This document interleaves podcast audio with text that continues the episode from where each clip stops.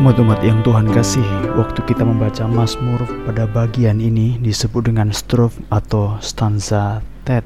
Ada lima istilah kata baik yang diucapkan berulang kali. Dalam ayat yang ke-65, kebajikan atau top atau baik telah kau lakukan kepada hambamu. Ayat yang ke-66, kemudian dalam ayat 68, kemudian dalam ayat yang ke-71, dan dalam ayat yang ke-72. Jadi setiap kalimat atau kata yang diungkapkan di sini adalah kata baik. Semuanya baik, semuanya baik, semuanya baik. Kebajikan atau kebaikan bahkan disebutkan dalam dua bagian yang terakhir dalam ayat yang ke-72 disebutkan bahwa Taurat yang kau sampaikan adalah baik bagiku lebih daripada ribuan keping emas dan perak betapa berharganya. Saya akan mengajak kita untuk melihat dalam hal apakah sehingga pemazmur dalam strof atau stanza ini mengatakan bahwa baik. Yang pertama, yang baik itu adalah Tuhan sendiri. Kalau kita membaca dalam ayat yang ke-65, kebajikan telah kau lakukan kepada hambamu, ya Tuhan. Jadi Tuhan itu baik. Ayat 68, engkau baik dan berbuat baik. Ajarkanlah ketetapan-ketetapanmu kepadaku. Jadi Tuhan itu sendiri yang baik. Dia adalah sumber segala kebaikan. Dia adalah titik daripada segala kebaikan. Dia adalah yang awal dan yang akhir dari segala kebaikan. Dia adalah dasar dan motivasi dari segala kebaikan. Tuhan adalah sumber segala kebaikan. Nah, itu sebabnya pada waktu kita melihat kebaikan, jangan melihat manusia, tapi ukuran kebaikan itu adalah Tuhan sendiri. Manusia baik itu tergantung motifnya apa, manusia baik itu tergantung maunya apa. Manusia itu baik itu tergantung pengennya apa. Tetapi Tuhan itu baik dan kebaikan Tuhan itu jelas, terukur dan kekal sifatnya dari awal sampai akhir. Nanti kita akan melihat bagaimana Allah memanifestasikan kebaikan-kebaikan itu. Baik disebut berulang kali, lima kali dalam ayat yang ke-65, ayat yang ke-68, ayat yang ke-71, ayat yang ke-72. Yang kedua, apakah yang baik? Yang baik itu adalah Tuhan itu memberikan penindasan Nah, di sini perbedaannya dengan orang-orang lain, saudara-saudara. Kalau orang lain itu mendefinisikan baik itu, ya tidak ada sakit. Kalau orang lain mendefinisikan baik itu, tidak ada sedih, tidak ada susah. Tetapi justru pada waktu Alkitab menceritakan baik dari Allah itu adalah baik yang bersifat kebenaran, baik yang merupakan sesuatu hal yang perlu bagi kita.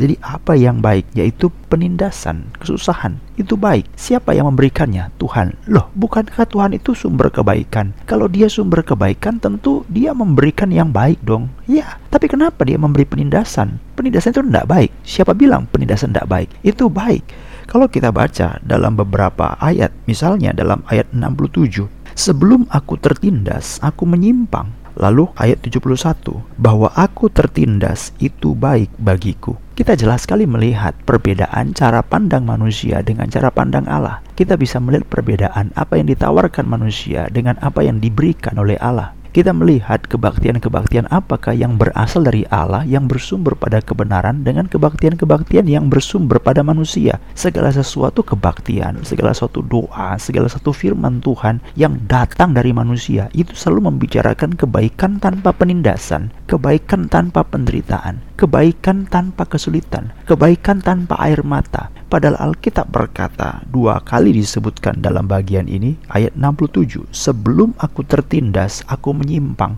Kenapa Tuhan memberikan penindasan? Baik karena sebelum kita tertindas kita menyimpang Berapa banyak orang hidup jalan menyimpang menyimpang ke kiri, menyimpang ke kanan. Ada begitu banyak kepedihan kalau orang-orang mempunyai jabatan, tapi dia menyimpang dari jabatan itu. Misalnya dia seorang hakim, tetapi dia menyimpang dari jabatannya. Saudara, ada begitu banyak hakim yang terbukti bersalah dan publik melihat ini perbuatan yang sangat memalukan. Ada tokoh-tokoh agama yang berbuat cemar, mereka menyimpang. Ada penegak hukum, polisi, tentara yang terlibat kriminal. Ini menyimpang. Dia diberikan tugas, dia diberikan wewenang, dia diberikan jabatan. Apakah itu kedudukan, apakah itu senjata, apakah itu perangkat, apakah itu status. Begitu banyak yang dilekatkan dalam dirinya. Itu untuk dilakukan sesuai dengan tugas, jabatan, fungsi, kedudukan yang dia miliki. Tapi dipergunakan dengan salah senjata dengan salah, menggunakan kedudukan dengan salah, menggunakan jabatan dengan salah, itu menyimpang. Dan biasanya orang menyimpang itu untuk kepentingan diri sendiri. Tetapi Tuhan memberi penindasan. Supaya apa? Sebelum aku tertindas, ayat 67, aku menyimpang.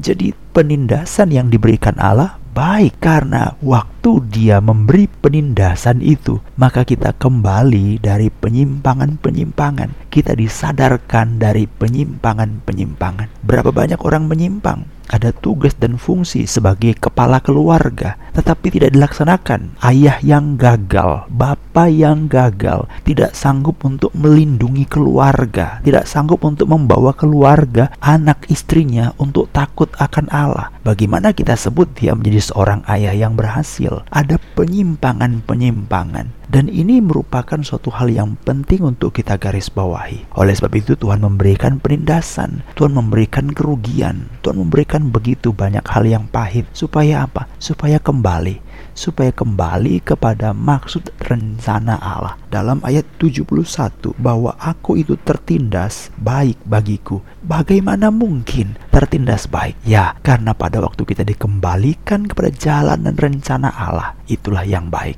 Itulah yang berkenan kepada Tuhan. Jadi lima kali kata baik, baik, baik, baik disebutkan pada bagian ini. Mengingatkan apa? Yang pertama, Tuhan itu sendiri, Dia sumber segala kebaikan.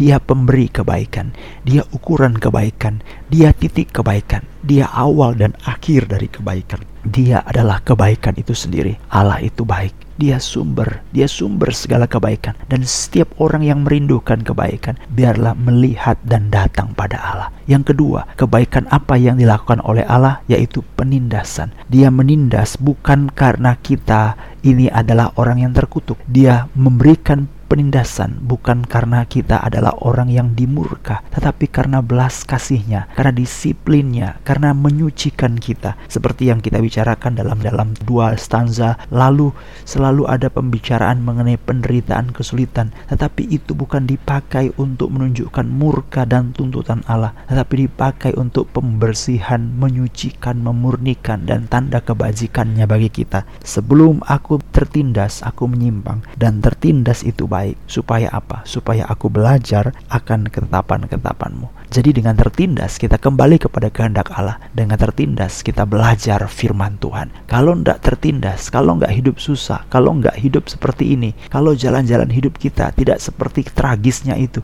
mungkin kita tidak tertarik dengan firman Tuhan. Tapi tertindas itu baik supaya aku belajar ketetapan-ketetapanmu. Itu yang kedua. Yang ketiga, kebaikan apa yang dikerjakan dari Allah? Dia mengajarkan firman-Nya. Dia memberikan firman-Nya ayat 65 kebajikan telah kau lakukan kepada hambamu sesuai dengan firmanmu. 66 ajarkan kepadaku bijaksana dan pengetahuan yang baik sebab aku percaya kepada perintah-perintahmu. 67 sebelum aku tertindas aku menyimpang tapi sekarang aku berpegang pada janjimu pada firman Tuhan. ayat 68 engkau baik dan berbuat baik ajarkanlah ketetapan-ketetapanmu kepadaku kemudian dalam ayat 69 orang yang kurang ajar menodai aku dengan dusta tetapi tetapi aku dengan segenap hati akan memegang titah-titahmu, firmanmu. 70. Hati mereka tebal seperti lemak, tetapi aku, Tauratmu ialah kesukaanku. 71. Bahwa aku tertindas itu baik bagiku, supaya aku belajar ketetapan-ketetapanmu. 72. Taurat yang kau sampaikan adalah baik bagiku, lebih daripada ribuan keping emas dan perak. Kalau kita mengatakan bahwa Tuhan itu baik, amin. Tapi dalam hal apa kebaikannya itu dikerjakannya? Dalam hal apa kebaikan itu dinyatakannya? Firmanlah berkata, dia mengajarkan, dia memberikan ketetapan-ketetapannya. Dia mengajarkan, dia memberikan perintah-perintahnya. Dia mengajarkan, dia memberikan firmannya. Dari situlah kita bisa mengerti, merasakan, menikmati kebaikan Tuhan. Tanpa firman Tuhan, kita anggap penindasan Allah itu adalah suatu perbuatan yang kejam. Tanpa firman Allah, tanpa bijaksana dari perintah-perintah Tuhan, tanpa titah Tuhan, tanpa hukum Tuhan, tanpa perintah, firman, peringatan, firman Allah, tanpa firman Allah, maka kita menganggap semua disiplin, semua hal-hal yang pahit yang diberikan Allah, yang diizinkan Allah, itu semua adalah hal-hal yang jahat. Tetapi dengan firman Allah, penindasan itu baik bagi kita. Jadi saudara dikasih Tuhan, Allah itu baik. Amin. Mengapa? Dia sumber kebaikan. Allah itu baik. Bagaimana caranya? Dia mengizinkan, memberikan penindasan-penindasan. Yang ketiga, Allah itu baik. Bagaimana? Dia mewahyukan, memberikan firman-Nya, mengajarkan firman-Nya. Nah, ini persoalan yang sangat kita gumulkan supaya setiap orang yang haus, lapar, rindu akan firman Tuhan, mereka dipuaskan dan mereka akan melihat bahwa sungguh-sungguh Tuhan itu baik.